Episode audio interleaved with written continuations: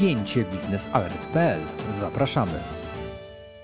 Szanowni Państwo, mamy 6 września 2019 roku. Nazywam się Wojciech Jakubik i zapraszam na spięcie biznesalert.pl. W dzisiejszym odcinku przyjrzymy się owocom Forum Ekonomicznego w Krynicy. Wszyscy wiemy, że jest to takie gospodarcze rozpoczęcie roku i e, dlatego warto przyjrzeć się temu, co oficjalnie i nieoficjalnie można było usłyszeć na deptaku w Krynicy. Zaczniemy od tego, że e, premier Mateusz Morawiecki został człowiekiem roku Forum Ekonomicznego w Krynicy. Dostał tę nagrodę już po raz kolejny.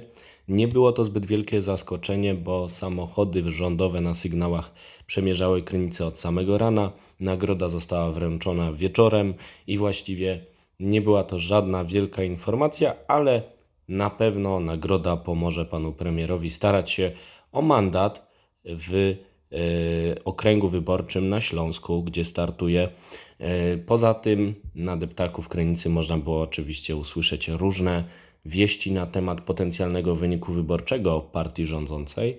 Na przykład e, krążyła taka plotka, że partia rządząca uzyska w wyborach wynik 53%, co oczywiście byłoby naprawdę wielkim osiągnięciem, pozwoliłoby na samodzielny rząd i na przykład obronę projektu elektrowni jądrowej, przeciwko której sprzeciwia się na przykład główna partia opozycyjna e, Platforma Obywatelska, czy też szerzej Koalicja Obywatelska. E, no, ale to są e, gdybania z krynicy. Nie wiem, czy ktoś skradł szklaną kulę i na jej podstawie wróży, czy może ma inny sposób. Ja takiego sposobu nie mam. Przejdźmy zatem do bardziej konkretnych rzeczy, czyli do energetyki. Szanowni Państwo, na początku tygodnia pisałem w tekście, że w Krynicy dojdzie do zielonego zwrotu. Nadal nie mamy strategii energetycznej. Wiadomo, że jest ona dostosowana, dostosowywana do Krajowego Planu na Rzecz Energii i Klimatu, czyli dokumentu, który do końca roku mieliśmy skonsultować z Komisją Europejską. Ten dokument prawdopodobnie nakłada na Polskę większe obowiązki niż y, zapisaliśmy to sobie w strategii energetycznej, czyli oficjalnie y, polityce energetycznej Polski do 2040 roku. No i te dokumenty trzeba ze sobą E, skoordynować, to znaczy jeden ma wynikać z drugiego i w ten sposób rząd tłumaczy nieprzyjęcie strategii energetycznej, a ja to tłumaczę tak, że zbliżają się wybory i nie warto denerwować górników na Śląsku zbyt ambitną polityką, ani nie warto e, za bardzo promować projektu jądrowego, jakby jeszcze miały się odbyć jakieś protesty społeczne tuż przed wyborami e, w tej sprawie. To jest moja autorska analiza, oczywiście można się ze mną nie zgodzić. Natomiast pewne jest, że strategii energetycznej nie ma. Ale spółki nie stoją w miejscu. One nie mogą czekać, aż to aż nasi politycy dojdą do porozumienia między sobą odnośnie tego, w którą stronę ma iść polska energetyka. Te spółki już wiedzą, w którą stronę powinna iść.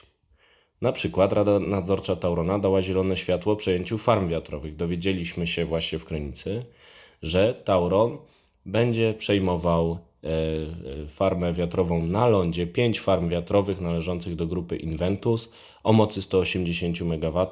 Nie jest to może bardzo dużo, ale jest to jakiś sposób na zazielenienie portfolio najbardziej chyba węglowej spółki energetycznej e, w Polsce. Tauron ma różne problemy. Jedną z odpowiedzi jest właśnie ucieczka w zielone. I to Tauron robi. ale nie tylko on. E, kolejna informacja, która pojawiła się właśnie w Krynicy, to była wieść o tym, że PG, PGE Baltica, czyli spółka należąca do polskiej grupy energetycznej oraz Baltic Power, należąca z kolei do PKN Orlen, podpisały list intencyjny o współpracy przy projektach morskich farm wiatrowych. Nie oznacza to oczywiście, że spółki będą razem budować jakąś farmę wiatrową. No to byłby przełom. Nie, spółki zamierzają współpracować, wymieniać się informacjami, aby obniżać koszty projektów wiatrowych. E, w warunkach współpracy zapisano m.in. wymianę know-how, wymianę informacji, współpracę public relations. To wszystko ma na celu ograniczenie kosztów wchodzenia w całkiem nowy biznes, jakim są morskie farmy wiatrowe i PKN Orlen oraz PGE na pewno w ten biznes chcą wchodzić. Bardzo ważne sygnały popłynęły E, właśnie z Krynicy przy okazji podpisania tego listu, który e, które to podpisanie zakończyło się jeszcze panelem dyskusyjnym Miałem przyjemność go poprowadzić. Brali w nim udział przedstawiciele ministerstw i przedstawiciele spółek. Warto przyjrzeć się relacji z tego panelu w portalu biznesalert.pl autorstwa Bartka Sawickiego. Jest to pożywka dla tych, którzy chcą wiedzieć, o czym myśli branża energetyczna na przyszłość, bo rzeczywiście e, stawia na morskie farmy wiatrowe. Warto przypomnieć, że w strategii energetycznej te morskie farmy wiatrowe są zapisane nawet na moc 10 gigawatów do 2040 roku, a zatem będzie dużo budowania. Być może będzie potrzebna jakaś koordynacja z poziomu rządowego. Pojawił się taki pomysł, żeby powołać koordynatora czy też pełnomocnika do spraw offshore. Natomiast y, ja i Państwo na pewno znamy historię pełnomocników do spraw programu jądrowego, pełnomocników do spraw gazu łupkowego. Tylko jeden pełnomocnik do spraw strategicznej infrastruktury energetycznej, Piotr Naimski, radzi sobie dobrze i jego praca przynosi jakieś owoce. Kto wie, może pełnomocnik do spraw offshore też będzie sobie tak radził, a może nie jest potrzebny, bo na razie e, wypowiedzi przedstawicieli ministerstw są stonowane na ten temat, raczej przekonywali, że warto przygotować dobre prawo, a nie powoływać kolejnego urzędnika e, z całym bukietem pomocników, którzy będą dużo kosztować. nie ma tej strategii energetycznej, natomiast rząd wysyła zielony sygnał. Poza spółkami na ten temat wypowiedział się także minister energii Krzysztof Tchórzewski. I on powiedział, że w tej chwili otwieramy się mocno na energetykę odnawialną i prosumencką, ponieważ uzyskaliśmy pewność energetyczną w postaci rynku mocy. Dzięki temu stać nas na rozwój odnawialnych źródeł energii. No i super. Minister twierdzi, że nas stać na OZE. Jeszcze ze dwa lata temu mówił, że nie. Wygląda na to, że y, ten kurs zielony prawdopodobnie jest owocem jakiegoś kompromisu z Komisją Europejską. Wygląda na to, że Polacy teraz już na serio w to OZE będą chcieli pójść. Widać to w strategiach spółek, widać to w ich działaniach, w listach intencyjnych.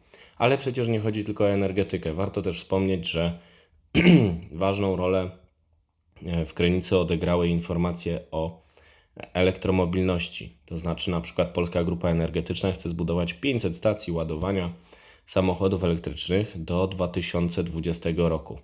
Jest to ciekawa deklaracja. Zobaczymy, czy tak rzeczywiście będzie. Na pewno im więcej ładowarek, tym większa szansa na to, że na ulicach pojawią się samochody elektryczne. Ale kolejny akcent z Krynicy to głębokie przekonanie na przykład wiceministra energii Adama Gawędy, że nie można wszystkich jajek wkładać do jednego koszyka elektromobilności, to znaczy paliwa alternatywne, to przecież także wodór, to inne rozwiązania, które mogą wyprzedzić elektromobilność, zastąpić elektromobilność na tej drodze ewolucji transportu. I właśnie o wodorze bardzo dużo można było usłyszeć w Krynicy. Czy to o wykorzystaniu go w transporcie, czy to o produkowaniu go e, z wykorzystaniem e, energetyki. To wszystko e, są nowe branże, nowatorskie rozwiązania, które za kilka lat będą w centrum debaty o polityce energetycznej i dobrze, że w Krynicy już na ten temat rozmawiamy.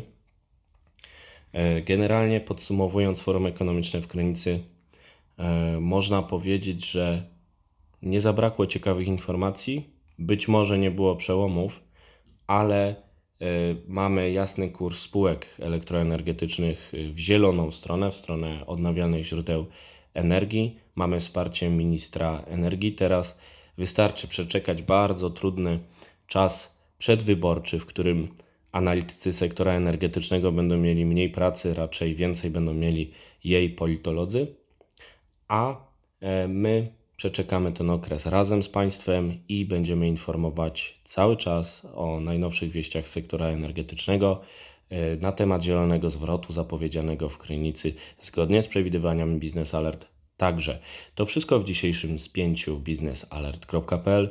Nazywam się Wojciech Jakubik. Dziękuję Państwu i zapraszam do następnego spotkania już za tydzień.